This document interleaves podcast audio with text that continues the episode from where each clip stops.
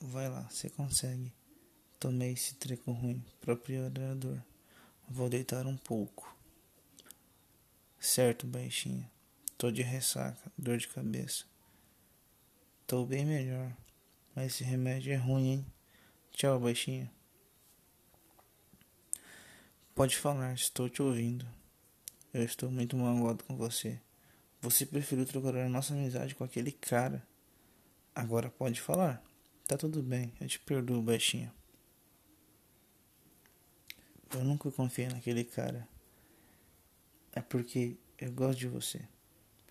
Se você não gostar de mim dessa forma, eu entendo a sua decisão. Posso sim, princesa. Você quer ir embora? Eu te levo até lá. Entregue em casa, princesa. De nada.